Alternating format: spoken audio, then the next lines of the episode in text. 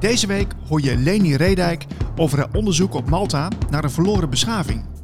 En ze is te zien in de hitserie Ancient Apocalypse van journalist Graham Hancock. Neem met je mee wat er nog meer staat in de andere agenda deze week. Eh, we beginnen met Drijfveren van de Mens 4.0. Wat drijft de bouwers van Society 4.0? Aan de hand van het drijfverenpalet van zingeving, verbinding, autonomie en meesterschap lichten ze toe hoe ze met elkaar verbonden zijn en elkaar versterken. Een online sessie op 9 december van half 10 tot half 12. Aanmelden kan via transitiereizen.nl. En het klimaat, ook zo'n leuk debat. Uh, Marcel Krok is freelance journalist en uh, geeft al jaren informatie over het echte klimaatdebat. Op 2 december geeft hij een lezing en uh, aanmelden kan via info.uitjekuritisch.nl over de echte vragen van het klimaatdebat. Every Buddha Happy. We sluiten even vrolijk af in deze serie, want ja, we gaan lachen om boeddhist Arie Vuik. Hij is boeddhist en comedian en vrijdagavond 9 december geeft hij een voorstelling in Nederweert waarin uh, alles voorbij komt voor een feel-good cabaretavond. En uh, ben heel benieuwd of mensen na zo'n avond ook verlicht zijn. Zou wel leuk zijn trouwens. Een kaartje kost 15 euro in Nederweert. En uh, ja, 9 december, wees erbij. Dit is de Andere Agenda podcast. De Andere Agenda podcast. Dit is de Andere Agenda podcast, de enige agenda die jou wel dient. En vandaag ga ik met onderzoeker Leni Redijk in gesprek, die bekend is van de Netflix-serie Ancient Apocalypse. Uh, Leni, welkom in de show. Dank je voor de uitnodiging. Ja, ja Leni, we zijn bij jou thuis en uh, ik heb de afgelopen weken genoten van een Netflix-serie die ik uh, met heel veel mensen in Nederland ook gezien heb, Ancient Apocalypse. En um, daarin reist de, journalist Graham Hancock, die reist de hele wereld af om ja, bewijs te zoeken van mysterieuze verloren beschavingen die uh, teruggaan tot de laatste ijstijd. En uh, jij zit in de derde aflevering. En ja, ik dacht, we gaan met jou in gesprek, want dat is ontzettend interessant. Ik ben echt blij dat er eindelijk iemand uit Nederland is die, die er aandacht aan besteedt. Het gaat namelijk over een onderwerp wat eigenlijk heel lang zeg maar onder het tapijt gekeerd is geweest. Ja, maar is, is het zo erg? Um, zo erg is het niet. Um, Natuurlijk uh, is de steentijdcultuur van Malta is, onder experts en kenners altijd bekend geweest. Maar dat er nu eindelijk voor het grote publiek iets komt en dat er licht op wordt geworpen, dat is op de eerste plaats fijn. En op de tweede plaats denk ik nodig. Ja. Daar zullen we het misschien, hoop ik, over gaan hebben. Ja, ja is zeker. Zeker. We nemen lekker de tijd voor vandaag. Het is vandaag um, maandag 28 november. En jij bent afgelopen weekend ben je teruggekomen vanuit Malta. Um, want daar kom je dus regelmatig. Uh, wat, wat, heb je daar gedaan eigenlijk? Ik heb nu specifiek ben ik twee weken geweest omdat ik met mijn uh, proefreader werk aan een tweede druk van mijn boek. Maar in principe ga ik eigenlijk heel regelmatig naar Malta. Dus ik uh, kom er heel vaak. Het is langzamerhand mijn tweede vaderland geworden. Ja. ja, want je hebt ook een heel mooi boek geschreven, uh, Sirius, The Star of the Maltese Temples. Gaan we het ook nog even over, hebben vandaag. Want je hebt dus een fascinatie voor Malta. Um, en al die tempels die daar staan, hè, die, die misschien wel veel ouder zijn dat, dan wat nu wordt vastgesteld. Um, hoe is die fascinatie eigenlijk ontstaan? Eigenlijk door toeval of hoe wil je het noemen, het lot. Ja. 32 jaar geleden... Um, woon ik in, in, in Berlijn. En werkte daar, um, had een baan bij, het, uh, bij de Cultuursenaat. Ik ben van beroep vertaler. En ik had twee talen, heb, heb ik nog, Duits en Engels. En de VVL, de Vereniging voor, uh, voor Schrijvers in Berlijn, um, gaf een boekje uit literatuur, uit Malta, literatuur als Malta. En vroeg mij om mee te doen als vertaler. En die schrijvers kwamen naar Berlijn en die nodigden mij naar Malta uit. Dat is 32 jaar geleden. De muur was net gevallen in Berlijn. Dus ik was blij dat ik even eruit kon. Ja, dat snap ik. En, ja. ja. Dus uh, ik naar Malta voor het eerst. En wel zes weken. En uh, dat is uh, genoeg om, ja, om, om, het, om het land best te leren kennen. Het is een eiland twee keer zo groot als Texel. Het is eigenlijk een, twee of drie eilanden een archipel. En ik had het er reuze naar mijn zin. Het was midden in de winter. En eh, ik liep door Valletta en kwam eh, langs het museum. En daar ontdekte ik iets wat, wat me heel erg verbaasde. Namelijk een hele mooie, eh, zeg maar, ehm, kunst uit de steentijd. Die ik niet kende. Hmm. En ja, ik had dus eh, jaren in Berlijn gewoond, museumbezoeker. Kende museum in, in, in Leiden, in, eh, in Londen. En ik vroeg me af, hoe, hoe kan dat nou bestaan? Weet je wel, dat Ja. ik eh, zoiets niet. Dus ehm, ik ben, dat was dus de inhoud, de reliefs, de altaren, de, de beelden uit, uit de tempels van Malta. En dat was meteen mijn introductie. Al de eerste week kwam ik dat tegen. Ik heb een boek gekocht en ik heb al die plaatsen heb ik afgelo- afgestruind, gevonden en zo. Een soort sport. En eh, dan ontdek je dat er, eh, dat er megalietbouwwerken bestonden waar niemand eigenlijk iets van wist. En wat, wat is een megalietbouwwerk precies? Eh, dat- dat zijn oude, oude tempels die zeg maar met eh, eh, alleen maar met grote stenen werden gebouwd. Eh megaliet betekent mega is groot en liet is steen, dat is Grieks. Dus met grote stenen werden die bouwwerken opgebouwd en die hadden ook, die waren overdekt. Dat betekent dat de, de kunstvoorwerpen in die tempels zijn heel goed ehm, behouden. Zijn eigenlijk erg mooi. Oké. En dat je zo'n mooie cultuur niet kent, is heel vreemd. Dat is een van de redenen geweest later. eh, dit- eh, om er een boek over te schrijven. Dat te zeggen, ik ben op zoek geweest ook naar de reden waarom ik dat niet kende. Ja, had je toen ook al een beetje het gevoel van, nee, ik ben op iets gestuurd wat, eh, ja, wat toch wel heel bijzonder moet zijn? Sowieso bijzonder, het is mooi, het grijpt je aan. Dus Ja. ik ben eh, eigenlijk het slachtoffer van, van die tempelcultuur zelf. Dus, Ja. eh, ik ben gegrepen. Ja, want wat, eh, de, in de aflevering waar jij in te zien bent, eh, ontdekt Graham Hancock een fascinerende ja, een patroon dat de, de spe- spectaculaire bouwwerk die tempels van Malta verbinden. En wa- waarvan hij denkt dat ze veel ouder zijn dan gedateerd. Hè? Er zijn misschien wel luisteraars die nu naar deze podcast luisteren, die die serie nog niet gezien hebben. Maar wat is er zo bijzonder aan die tempels? Ehm, ja, natuurlijk op de eerste plaats dat ze bestaan. Op de tweede plaats eh, dat er zoveel zijn. Dus als ik, zoals ik zei, eh, Malta heeft een grondoppervlak van twee keer Texel. En ik vond al heel direct in het begin eh, dat er eh 24 tempelsites, tempelplaatsen, zijn nog zichtbaar. Soms met resten van maar één of twee blokken. Mhm. En soms met hele imponerende ruïnes zoals Yucantia, Hadjarim, Naidra, Tajin, ehm, die nu zeg maar wereldnaam hebben gekregen. En die het ook verdienen.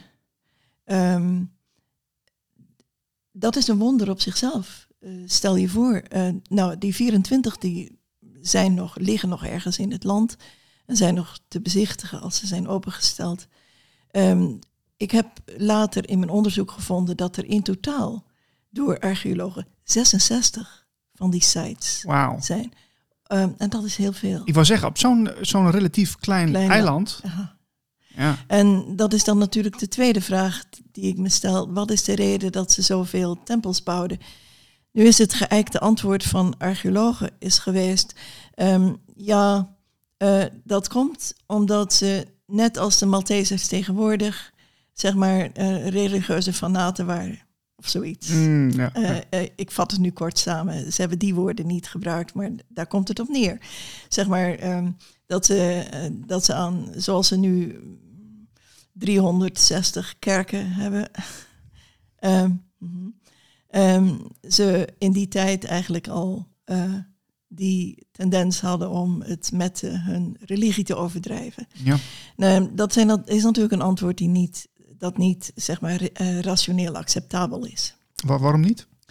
omdat het uitgaat van het idee dat, ehm, dat mensen, mm, waarom niet op de eerste plaats, eh, eh, was de bevolking niet zo groot in die tijd.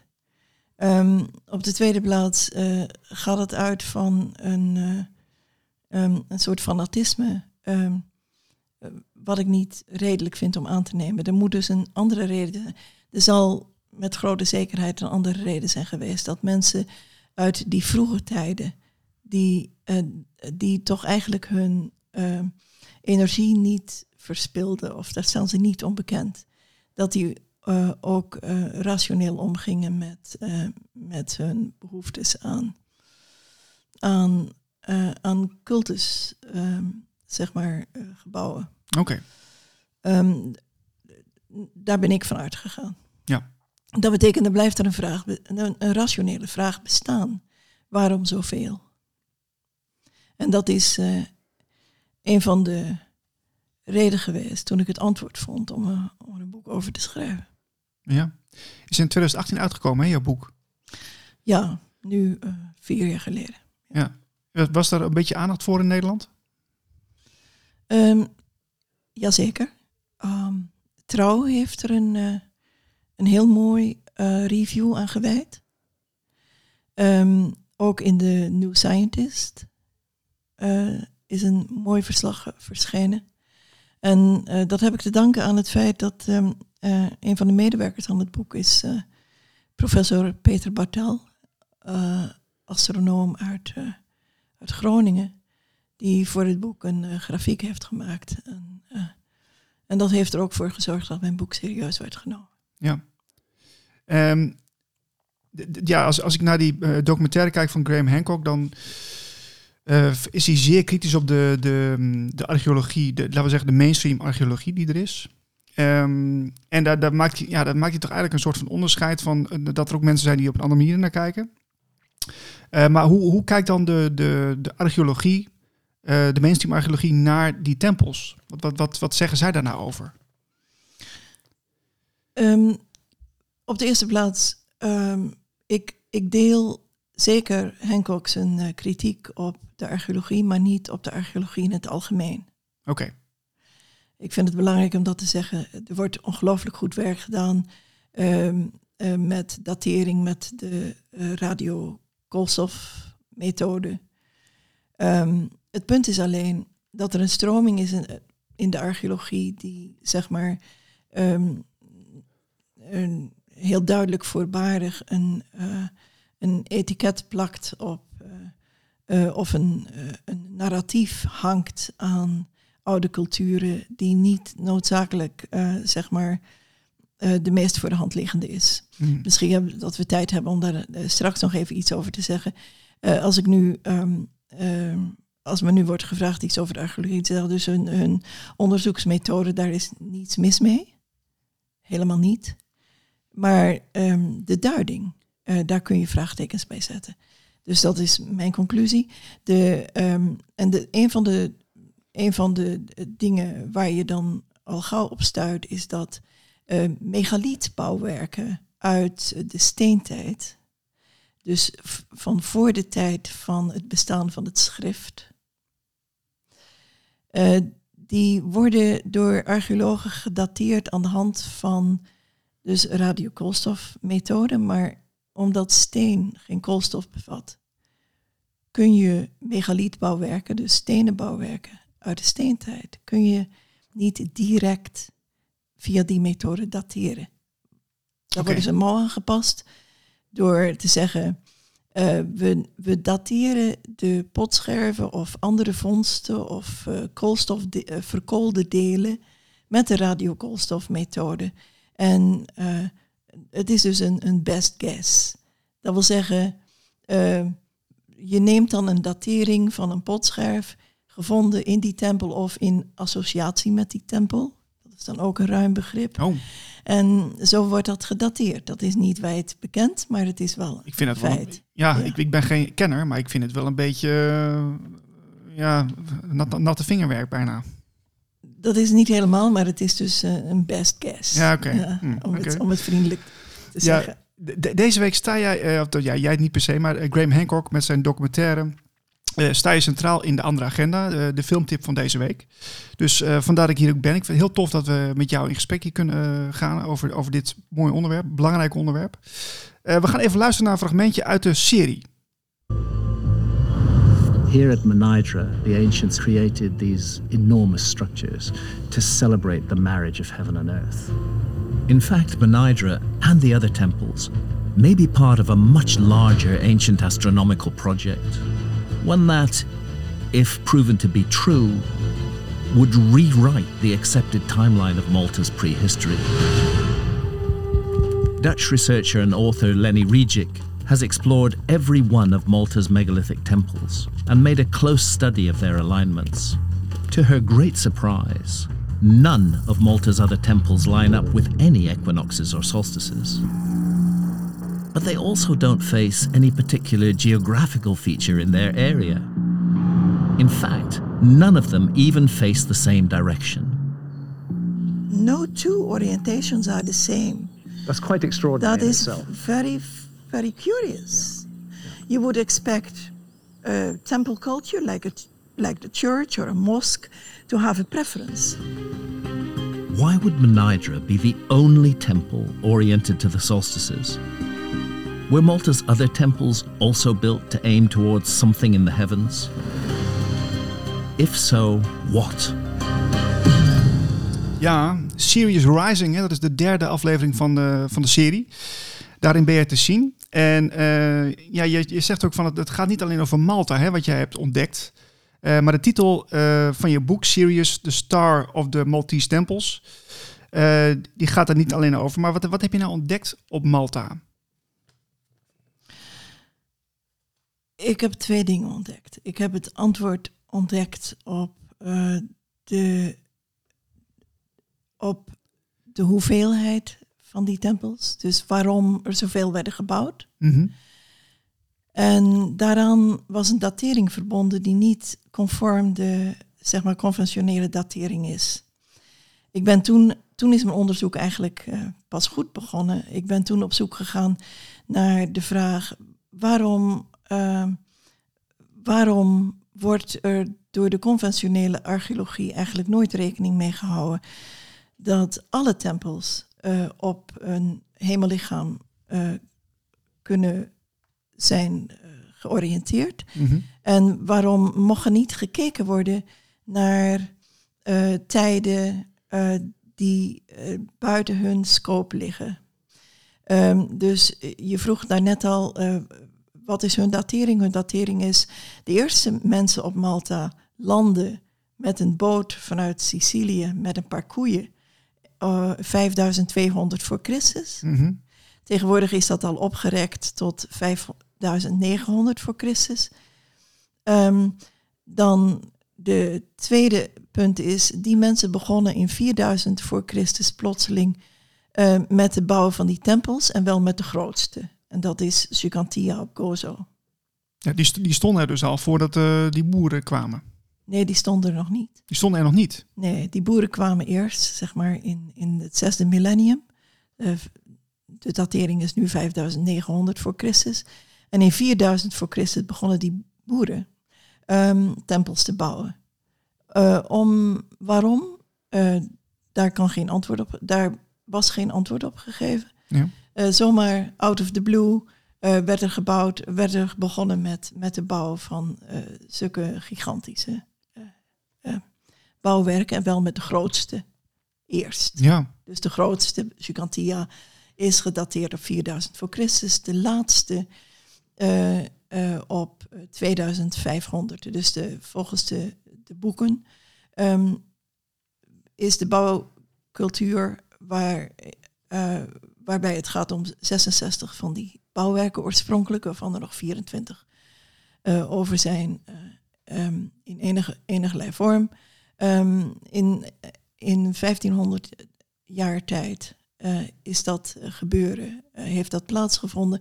En daarna is die cultuur zeg maar ten onder gegaan en niemand weet waarom. Nee, want wat, wat, ik heb de, de serie ook gezien en jou, ook jou- jouw aflevering. En wat me opviel is dus dat die, die bouwwerken die staan dus, die wijzen allemaal naar een andere richting toe, hè, naar de, de hemel. En, en dat is dus eh, een beetje het raadselachtige van waar, waar, waar wijzen ze nu dus nu naartoe? Ja. En- Ehm, het, ehm, eh, ik was oorspronkelijk van plan om een boek te schrijven voor het Nederlandse publiek in het Nederlands en me te beperken tot, eh, eh, tot zeg maar het noemen van de raadsels op Malta. Niet waar? Mhm. Ehm, en een van. En je komt eigenlijk niet op, op een bevredigend antwoord. Um, in de tijd dat ik er was, gebeurde er uh, iets uh, belangwekkends. Namelijk, uh, ik ben op Malta, heb ik permanent gewoond tussen 1990 en 1996. Dat is exact de tijd waarin dokter Anton Mifsud, die ook in, een, in de film voorkomt van Hancock, en volkomen terecht. Um, dat is een, medisch dokter, dus een um, kinderarts. Ja. En uh, doseert ook aan de universiteit. Um, die heeft, uh, uh, die vond, toen ik daar was, uit, die vond dat er drie Neandertal-kiezen mm, in de loop van de tijd zijn ontdekt in de grot Aardalam. Die eigenlijk um, ook, zeg maar, uit het vizier zijn geraakt. Um, dat wil zeggen, de archeologie na de Tweede Wereldoorlog heeft er alles aan gedaan om uh, bewijzen voor de mens op Malta van voor 5200 of dan nu 5900 um, um, te verdoezelen, te verdonkeren manen. Hm. En dat veroorzaakte in de kranten op Malta in 1994, toen uh, Mifsud zijn dossier Malta, uit dossier Malta, uh, een goede titel, uitkwam. uh, zo'n, dat veroorzaakte zo'n kabaal en zo'n agressie tegen, tegen Anton. Dat, dat ik als, zeg maar, een naïef lezer, die altijd had gedacht, nou ja, die archeologen zullen wel gelijk hebben, ja, ja, ja. werd meteen wakker geschud. Uh, er werd een agressie uitge, uitgemeten in de krant tegen Anton Mifsud. Die, die, die zo vreselijk uh, van toon was, um, dat, ik, uh, dat ik heb gedacht, hier klopt iets niet. Was, was, um, het was zo agressief dat het uh, ja, buitensporig gewoon? Buitensporig. Ja. Dus er werd kosten wat kost, werd er heel duidelijk voor wie neutraal de kranten leest. Ik heb die knipsels nog. ik noem ze ook in mijn boek. mijn boek gaat in het eerste deel daarom uitgebreid op die op, op het drama van de archeologie in Malta in en ook op de fraude die er is gepleegd. gepleegd. Ik noem het woord dan ja, toch ja. maar. Dat is nogal heftig. Uh, ja, um, ik, uh, uh, je werd er dus eigenlijk op, ge, um, op gedrukt voor wie zeg maar met een open mind las. Um, dat er dus inderdaad mensen waren op Malta voor, voor het zesde millennium. Dat maakt een heel groot verschil. Als er mensen zijn uh, die uh, zeg maar in de, in de ijstijd op Malta hebben geleefd, dan uh, is daarmee ook zijn de sluizen geopend voor het kijken naar ja, wat eigenlijk de periode is waarin die, die tempelcultuur is ontstaan. Ja, en, en, en, als het al inderdaad zo was, ze hadden dus blijkbaar ook kennis van de, van de kosmos, want daar, daar, daar, daar ging de aandacht ook naartoe. Ja, uh, het eerste onderzoek daarnaar is, uh, is de, de beroemde Naidra Zuid-tempel, die um, bewezen en door iedereen geaccepteerd, ook door Heritage Malta, door iedereen, um, is gericht op de opgaande zon van de, um, van de equinox, van de dag- en nachtevening. Dat mm -hmm. is 21 maart en 21 september. Dat okay. is Paloost met een hele boeiende zonneinval op de, uh, op de zonnewendes. Zowel de zomerzonnewende als de winterzonnewende. Dus een heel spannend bouwwerk. Uh, plus Naidra Zuid heeft precies dezelfde uh, bouwstructuur als al die, al die andere tempels. Dan is dat eigenlijk legi legitiem om ook voor die andere tempels, die zoveel op Naidra lijken, ja, ja, ja. te kijken naar de hemel. Ja. Uh, als, uh, als oplossing voor, voor het vraagstuk waarom zijn er zoveel gebouwd. Nou? Um, en dan, um, ik heb me dus um, laten onderrichten, om het zo maar te zeggen, uh, door astronomen. En de eerste was hier in de buurt bij mij, de Hogeschool Enschede. En, een docent heeft me ingevoerd in in die eh, astronomische programma's op de, op de computer. Ja, want dat En vond ik wel fascinerend. Want ik, ik dacht van, wauw, je hebt gewoon een, een, software die dus gewoon eh, een, terug in de tijd kan gaan om te kijken hoe, eh, hoe de hemel eruit zag. Ja, Dat is toch fascinerend? dat is heel fascinerend. Ja. Maar je kunt ook gewoon met, een, met, die, met die schijf die, die eh, ehm, astronomen gebruiken, gewoon met zo'n schijf, kun je eigenlijk al direct zien als je de juiste vraag stelt. En de vraag die ik me stelde is deze. Ehm, op grond van het feit dat de hele Maltese tempelcultuur eigenlijk een eenheid is, qua beelden, qua reliefs, qua structuur van, van, de, van de bouwwerken zelf, dus Ja. de architectuur. Eh, als je één keer een Maltese tempel hebt gezien, dan herken je tot de rest, voor de rest van je leven Ja, de Maltese stijl. tempel. Ja. Ja, exact. Die is totaal uniek. Ehm, het is een soort klaverblad eh, grondplan met een, met een middenas. En die middenas kijkt altijd uit naar een vrije horizon. Zelfs bij Tarshin oorspronkelijk. Eh, ehm, dus dat is heel typerend voor een Maltese tempel. Het is zeer verbonden met, met de hemel. Ja. Ehm, en dan moet je je de vraag stellen eigenlijk, of dan kom je automatisch op de vraag, is er één hemellichaam die eigenlijk verantwoordelijk is voor al, die, al de rest van die tempels? Ja, Nou, ehm, en je mag jezelf dan ook permitteren op grond van het feit dat, dat, er, dat de, de aanwijzingen, dat er mensen woonden op Malta voor 5000, dan permitteer je jezelf automatisch ook om, om naar wat oudere dat, data te kijken. Ehm, dan is er eigenlijk maar één hemellichaam wat, eh, wat daar in aanmerking komt. Geen enkel ander. Dus er is er maar één. En dat was Sirius ja. Dat is ook de, de meest heldere ster ook, hè? het- de helderste ster, die eh, opkwam boven Malta in eh, 9400 en zichtbaar werd met het blote oog. Want we hebben het dus over eh, astronomie met het blote oog, Ja. de archeoastronomie. Dat is iets anders, hè? Daar maak je wel onderscheid in.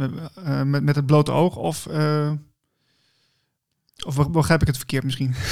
Nee, eh, je begrijpt het goed natuurlijk. eh, je moet kijken eh, naar hoe, die, hoe de mensen in de tijd keken. Ja, ze, hadden, ze hadden dus geen telescoop. Dus je, je, ehm, eh, je moet eh, rekening houden met eh, de, het de dimming effect. Ik kom even niet op het Nederlandse woord.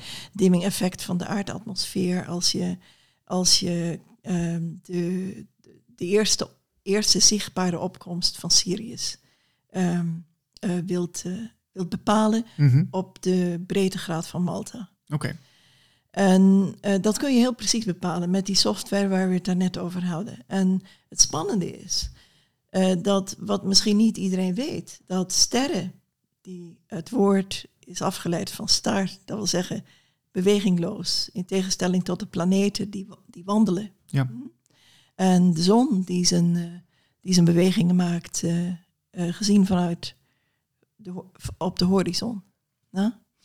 Ehm, sterren ook. En sterren maken een beweging die heet, of ze maken niet een beweging, maar ze bewegen. Hun opkomst en ondergangpunt eh, verschuift over een pe- periode van ehm 26.000 jaar. Het is dus niet zichtbaar met het blote oog eh, in, over een tijdbestek van een jaar, maar over de tijdbestek van één mensenleven, 72 jaar, is dat 1 centimeter. Dus als je je vinger eh, naar de horizon uitstrekt, dan eh, is de breedte van je vinger is, de, is het verschil van, eh, van positie, van Ja. opkomst van één ster. Maar die, En- die, mens, die mensen die in die tijd leefden, die hadden dus wel een bewustzijn ontwikkeld waarin dat dus werd gezien.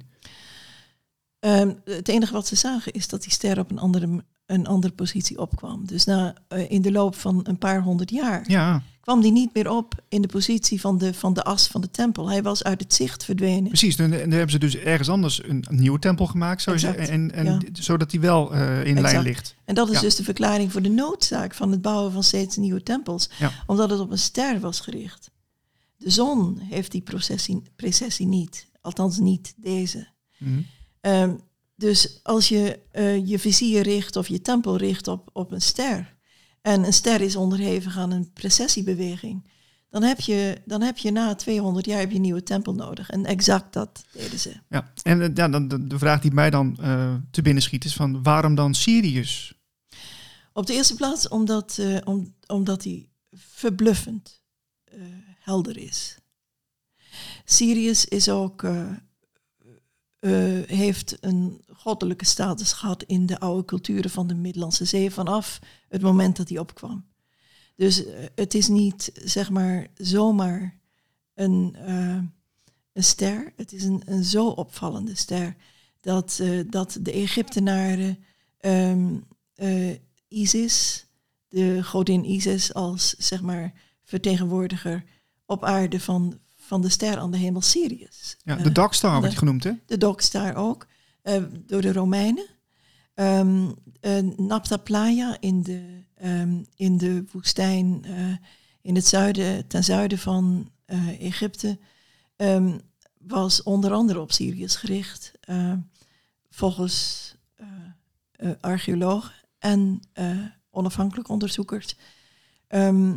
Het is daarom eigenlijk geen, geen wonder dat een grote cul- bouwcultuur zo begint. Ehm, dus er is een Sirius cultus geweest naar, naar mijn opvatting. Ehm, als je een, eh, vanaf 9000 voor Christus, toen hij voor het eerst zichtbaar werd. Het, eh, het mooie is dat ehm, eh, als je die Sirius-opgang volgt, en, dan zie je dat de, de eerste tempels werden, die gebouwd werden, zijn ook de allerkleinste geweest. Hmm. Het was dus niet een bouwcultuur die, die met de allergrootste begon. Het begon klein, zoals je eigenlijk ook de ontwikkeling van een mensencultuur normaal gesproken voor je ziet. Oh, ik dacht dat je in het begin zei dat die grootste de eerste was. Dat is de, dat is de idee van de archeologen. Ah, oké. de- Ja, oké. Dat is, dat is wel even, even interessant om even te vermelden, inderdaad. Ja, oké. Dus in mijn boek, om het zo te noemen, letterlijk, ehm, is Hadjarim Noord. Dat is de, het kleine tempeltje achter de grote tempel van Hadjarim aan de zuidkust. Kijkt ook op zee uit. Ehm, eh, is de eerste. Oké. Eh, we gaan even naar Graham Hancock, want ehm, hij is in de Netflix-serie heel erg uitgesproken eh, over de huidige staat van archeologisch onderzoek. Is, is zijn kritiek terecht, vind je? Want ik vind dat hij best wel ver gaat.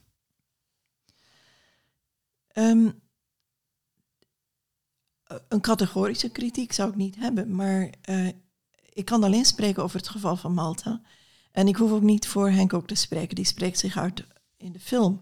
Het is wel zo dat ehm, het werk van mij en het, eh, werk van Hancock ehm, zeg maar convergeren, dus samenkomen op één punt. En dat is eh, dat niet alles in de archeologie, naar mijn opvatting, kosher is verlopen. En daar is eh, bij uitstek Malta een, eh, een eh, schrijnend voorbeeld van. Alright, ja. Ik zie trouwens ook dat hij op eh, Twitter eh, een paar dagen geleden ook een bericht deelde over het feit dat, ehm, ja, dat, dat archeologen en vrienden van, de- van de media, zoals hij dat dan zegt, ehm, nu al een beetje over de serie heen vallen van nou ja, eh er is kritiek en, en ze willen hem misschien wel cancelen met de serie. Ehm, wa- waarom is er eigenlijk zoveel, zoveel kritiek uit die hoek volgens jou? Omdat eh, de belangrijkste, de in- meest invloedrijke archeologen ehm, hechten aan een theorie dat de mensheid heel primitief is begonnen. Eh, ik spreek dan nu over de cultuur Ja. van de mensen. Ehm, en dat hij één, één lijn heeft gemaakt in de loop van de millennia en culmineert in onze, in onze beschaving. Dus één rechte tijdlijn van hoe, Ja. eh, hoe de ontwikkeling is verlopen. Precies. En dat daar geen zijtakken waren. Dus, eh, en dat er ook geen andere beschavingen waren die, ehm, die een eigen ontwikkeling zouden hebben doorgemaakt. Eh, ehm, de, de ontwikkelingslijn die ze zien is geïnspireerd op een sociaal-darwinistische theorie. Ehm, en op de eerste sociologen die toen ontstonden na Darwin. Darwin zelf heeft dat niet aangeraakt. Maar er is dus een groep van mensen geweest in Londen die zich eh verenigden in eh, wat ze noemden de X-Club. De X-Club. Mhm. Ehm, Leuke en die zich. die zich specialiseerde in het uitwerken van de consequenties van Darwin's theorieën voor, het, voor de mensencultuur. Dus niet voor de ontwikkeling van de mens uit, uit uh, de dieren, dat staat op een ander blad. Ja, ja. Maar ze projecteren dat nu op de mensencultuur. Dat wil zeggen, er is um, vanuit die gedachtegang maar één lijn mogelijk. En, en die lijn gaat van, van primitief tot en culmineert in de westerse, westerse, uh, Euro, westerse Europese zeg maar, beschaving, als je het zo wil noemen. Ja. En die beschaving is uh, hiërarchisch. Die heeft altijd uh, een leider. Um, die is um, um, expansief. en uh, heeft dus eigenlijk zijn wortels volgens deze groep en volgens een telg uh, van een van de, een van de aanhangers van die groep. Um, een telg daarvan is Arthur Evans. En Arthur Evans heeft uh, juist in die tijd, het begin van de, 19, van de 20e eeuw, dus de, de eeuwwisseling 19e, 20e eeuw, is heel, heel um, kritisch geweest en, en, belangrijk geweest voor het, uh, het neerleggen van, um, van de wieg van onze beschaving op het eiland Kreta. Voordat uh, Arthur Evans um, Kreta ging onderzoeken en, um, en restaureren, zeg maar gerust, opbouwen. Ja. En aan de wereld presenteren als de wieg van de beschaving. Dat is de beroemde Minoïsche. Een paar jaar daarvoor was hij op Malta. Malta was in die tijd best bekend. En ook uh, de, de cultuur die daar lag. En heeft besloten dat Malta het, uh, uh, de race verloor. Het, uh, het predicaat wieg van onze beschaving niet verdiende. Waarom?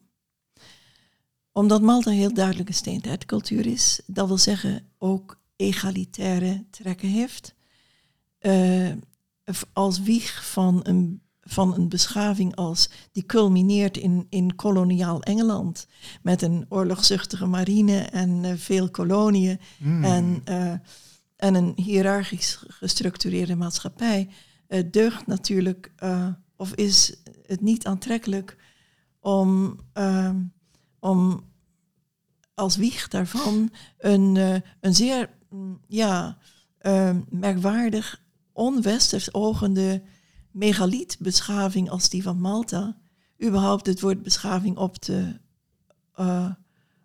um, te, te, te, verlenen. Ja, want de beschaving die, die ze op Kreta vonden, uh, die, die, die, sluit natuurlijk veel beter aan bij het gedachtegoed wat ze wilden prediken, om het zo maar even te zeggen. Ja, uit in de wieg. Dus, ja, exact. Ja. En, en, en uh, je zegt dat die beschaving die, uh, die, die dus op Malta is gevonden, die was egalitair, zeg jij. Duidelijk. Er, er, zijn in de graven die uit die tijd bekend zijn, zijn er geen wapens gevonden. Het, het was dus steentijd en geen bronstijd. Uh, de echte oorlogen zijn gevoerd vanaf de bronstijd, vanaf het begin van de landbouw. En uh, hoewel uh, vanaf het midden van mijn datering van de cultuur de landbouw al was ingevoerd, is er nooit in geen enkele tempel en in geen enkel graf geassocieerd met de tempels, zijn er oorlogswapens gevonden. Het enige wat er gevonden is een stenen offermessen. In okay. de tempel zelf. Ja. Tarshin vooral. Um, en dat is dan, ja, eigenlijk. Um, uh, kortom, uh, Malta is um, verzwegen. En dat verzwijgen van die Maltese cultuur is in drie etappes gegaan. De eerste etappe is die nu, uh, zeg maar, in een notendop, het is een veel langer verhaal. Ja, dat snap ik. In een notendop vertel is de aanwezig, de invloed van Arthur Evans. De tweede is dat vlak voor de oorlog kwam een geniaal Italiaanse archeoloog naar Malta, uh, Luigi Ugolini. En heeft uh, totaal onafhankelijk van, uh, van de Engelse archeologen die daar, Malta was toen nog een kolonie, die daar de toon aan gaven, totaal onafhankelijk van die groep, samen met zijn Maltese collega een totaal andere theorie opgebouwd. En ook een andere datering, namelijk die die eigenlijk heel erg dicht in de buurt komt bij die van mij. Ugolini is totaal direct verketterd. En na de oorlog zijn er um, twee archeologen vanuit Londen naar Malta gestuurd. Dat wil zeggen, heel precies gezegd, de Universiteit van Malta kreeg een, een grant, een bonus, kreeg een zak met geld Ja. om, eh, zeg maar, om archeologen uit te nodigen en te betalen om eh, dat te doen wat Ugo- Ugolini al lang had gedaan. Maar dan dunnetjes over en dan volgens hun eigen theorie Ah, een andere draai. een andere draai. En vanaf die tijd dateert de datering, maar dat is ook ehm, zeg maar gospel truth geworden. Eh, dat ehm, sinds de jaren 50 en 60 is die datering teruggedraaid naar zeg maar ehm, 3000, eh, v- eh, 4000 voor Christus hooguit. En voor het eerst eh, zijn in de jaren 50 ook alle tekenen dat er bewoning was op Malta voor 5000 voor Christus eh, zijn eh, zeg maar afgeschaft. Eh, zijn eh, mm, via,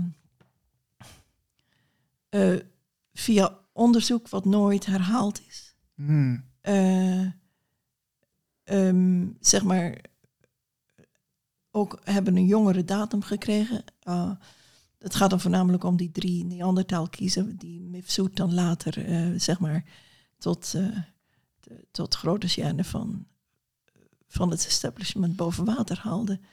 Ehm, en daarom is die furore ontstaan daarover. Eh, de, ehm, eh, de kiezen zelf zijn eh, jonger gedateerd en één daarvan is nu verdwenen. Oké. Het, ehm, kortom, dat is de tweede etappe. De derde is natuurlijk die, furore die Mifsud creëerde. En er wordt nu een vierde etappe gecreëerd nu, terwijl we hier spreken. Dat is de Netflix-film van Graham Hancock, die zo moedig is geweest om, om Malta binnenboord te halen. Nou, dat is een, dus een slangennest. Ja, weet je wat, eh, wat ik wel heel erg eh, interessant vind ook? Want jij haalde eventjes het verhaal aan dat ehm, die oude beschaving in Malta was een egalitaire beschaving, eh, zeg jij. Is, dat dan, is dat dan ook de, mm, het, gevaar waar, waar misschien de huidige tijd wel voor waakt? Want ehm, stel je voor dat dat naar buiten komt. Hè? Er is inderdaad een oudere beschaving geweest eh, die, eh, die, die egalitair was. Ehm, is, is dat een bedreiging voor, voor machthebbers? Ehm, ik zou het zo, zo, groot niet zeggen, maar ik bedoel, ik zou het zo drastisch niet zeggen. Het is natuurlijk wel zo eh, dat als je een nieuwe tijd opbouwt, wat gebeurde eh, eh, na de industrialisatie van de 19e eeuw, eh, met de theorieën van Darwin, die een ongelooflijk impact hadden. de, zeg maar de oude Bijbeltheorie over het begin van, van het ontstaan van de mensheid werd, werd afgeschaft. Alles werd gereset. Alles werd gereset. Alweer een reset. Inclusief. Nee, dat was de eerste echte reset. Ja. De eerste, en die was drastisch. Het hele mensbeeld werd omgespit. Dus in plaats van oude beschavingen die, zeg maar, zoals Plato dat eh, afschilderde, ehm, die groot waren en, en, eh, en die ten onder zijn gegaan. Of zoals ehm, eh, de Bijbel het zegt, die paradijselijk waren. Die eigenlijk ehm, herinnert dat Bijbelverhaal aan periode dat er een, een vreedzame zeg maar, samenleving op aarde was. Eh, als je die bij elkaar combineert en eh, ehm, dan, eh, dan is dat narratief, om het zo maar te noemen, om het neutraal te zeggen, dat is in, aan het eind van de 19e eeuw eh, totaal ten onder gegaan. Daarvoor in de plaats is gekomen, dus zeg maar de Edward Tyleriaanse antropo- antropologische gedachtegang van die ene lijn die culmineert in zeg maar een oorlogzuchtige en hiërarchische samenleving. De, en de enige mogelijke beschaving, dat is die van ons. Ja. Ehm, en eh, een andere die eh, Malta is bij uitstek een steentijdbeschaving waaraan je kunt zien dat je een, een samenleving kunt ordenen met succes. Met spannende bouwwerken, die wij wel niet herkennen als onze stijl, maar het waren grote dingen die met hun blote handen werden gebouwd. Ja. En, zeg Zonder, maar, zonder hiërarchie dus. zonder hiërarchie, egalitaire werkgroepen, eh, waarschijnlijk tijdelijk. Ehm, dat is dat je een, met grote kunst, als je zeg maar dat museumpje in Malta bekijkt, dat, dat is het, schat, het mooiste wat je ziet. Ja, ik ben er geweest toen. mij- Ik ben er Ja, geweest in 2018. Hartstikke nou, leuk. Het greep mij ook meteen aan. Ik herhaal het nog een keer. Het was aandoenlijk. Ehm, maar ook mooi. Gaaf. Puur gaaf. Ja. Ehm, dat wil zeggen, dat is niet perspectiefloos. Eh, er is een perspectief in het, in het egalitaire. En ehm, het is een veronderstelling van mij. Dus geen, ik verkondig het niet als wet van wezen en persen, maar het is wel een van de redenen waarom het me aangrijpt. Ja. En waarom het me fascineert en wa- waar, waarom ik denk dat het de moeite waard is het ook van, van die eh, kant te belichten. Ja. Eh, Leni, jij zit eigenlijk wat meer in het wereldje hè, van, van de, de, de verschillende discussies die er zijn in de, in de archeologische wereld.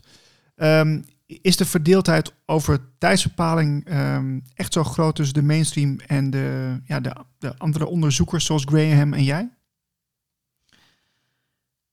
Eh, het, het ligt aan de plek waar je bent. Eh, bijvoorbeeld Göbekli Tepe in, eh, Turkije, in ja. Turkije ehm, is door Klaus Schmid eh, in, ehm, gedateerd 9200 voor Christus, exact de tijd van, waarin ik zeg dat Malta begonnen is. Dus de Maltese megalietcultuur.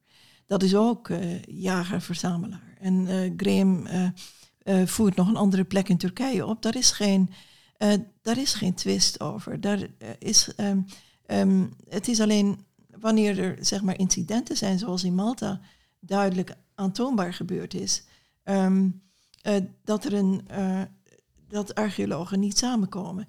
De plek Napta Playa, daar bestaat geen, geen twijfel over. Eh, er bestaat geen discussie over dat die eh 6000 voor Christus begonnen is. En dat is ook een, dat is een steencirkelachtige plek en ook een megalietplaats. Ehm, daar lopen de meningen niet zo ver uiteen. Ehm, waar ik me kan vinden bij Henk ook is natuurlijk, eh, ik, ik deel niet zijn frame, maar ik deel volkomen zijn bezorgdheid over het feit dat alle grote beschavingen van voor, eh, van, van voor de ijstijd of van eh, net na de ijstijd eigenlijk worden genegeerd. Ehm, eh, die zijn totaal onderbelicht. Ja. En, ehm, en hoe ik daarover denk, heb ik zojuist uitgesproken. Dat is niet omdat ik dat denk, maar omdat ik dat eh, heb onderzocht. En met eh, citaten onderbouw in het eerste deel van mijn boek. Ik besteed er ook uitvoerig aandacht aan. Ja, ja ik, ik heb hem hier voor me liggen. Sirius, the Star of the Maltese Temples. Eh, in maart 2019 was jij auteur van de maand op de website van Graham Hancock. Je hebt ook een artikel geschreven voor zijn site. Kunnen we ook even naar verwijzen onder de video trouwens. Kunnen mensen zelf even lezen. Een heel groot artikel. Ehm, waarin je ook eh, astronomische oplossingen aandraagt hè, in jouw boek. Ehm, wat, wat wil je nou eigenlijk met je boek bereiken? Toen ik het schreef, wilde ik niks anders dan gewoon eh, opschrijven wat ik ontdekt heb.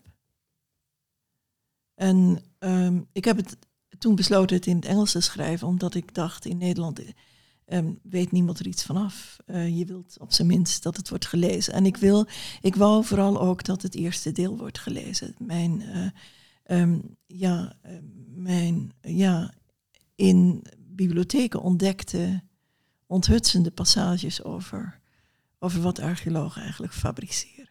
Soms. Ja. Soms. Soms, ja. Wat spannende ontwikkelingen allemaal, hè? Ja, het was een soort detective. Wanneer ga je weer naar Malta? Eh, ik ga in maart, omdat er een groep uit Engeland is die me gevraagd heeft of ik ze wil begeleiden. Dus dan, eh, ja, dan hou ik een lezing op Malta voor, voor groepen die daar landen. Ja, je geeft ook in Nederland lezingen, hè? Ehm, ja, eh, aanstaande vrijdag geef ik een lezing in Buslo in de Sterrenwacht. En eh, ja, daar ben ik me op aan het voorbereiden. Leuk. Wordt het een beetje bezocht eh, inmiddels? Of, Ja, ik denk de lezing wordt voor YouTube opgenomen en is, is beschikbaar openbaar. Ik, ik vermoed eh, via de website van de Sterrenwacht Buslo. Dat is in de buurt van Zutphen. Oké. Als mensen hier nou meer over willen weten, hoe moeten ze jou eh, bereiken? Ehm, mijn eh, site die puur over het boek gaat is www.sirius-malta.com. Alright. Leni, heel dank voor je tijd. Ik dank jou ook. Het was een fijn gesprek. De Andere Agenda podcast. We gaan het zelf doen. We gaan het lekker zelf doen. Volgende week zijn we weer met een nieuwe editie van de Andere Agenda podcast. En wil je nou ook in de krant met aandacht voor jouw workshop, lezing of initiatief? Meld je dan aan via agenda.deanderekrant.nl en volg ons ook op Twitter, Instagram en Facebook. Tot volgende week. Wil je meer van de andere krant? Kijk op anderekrant.nl. Kijk op deanderekrant.nl.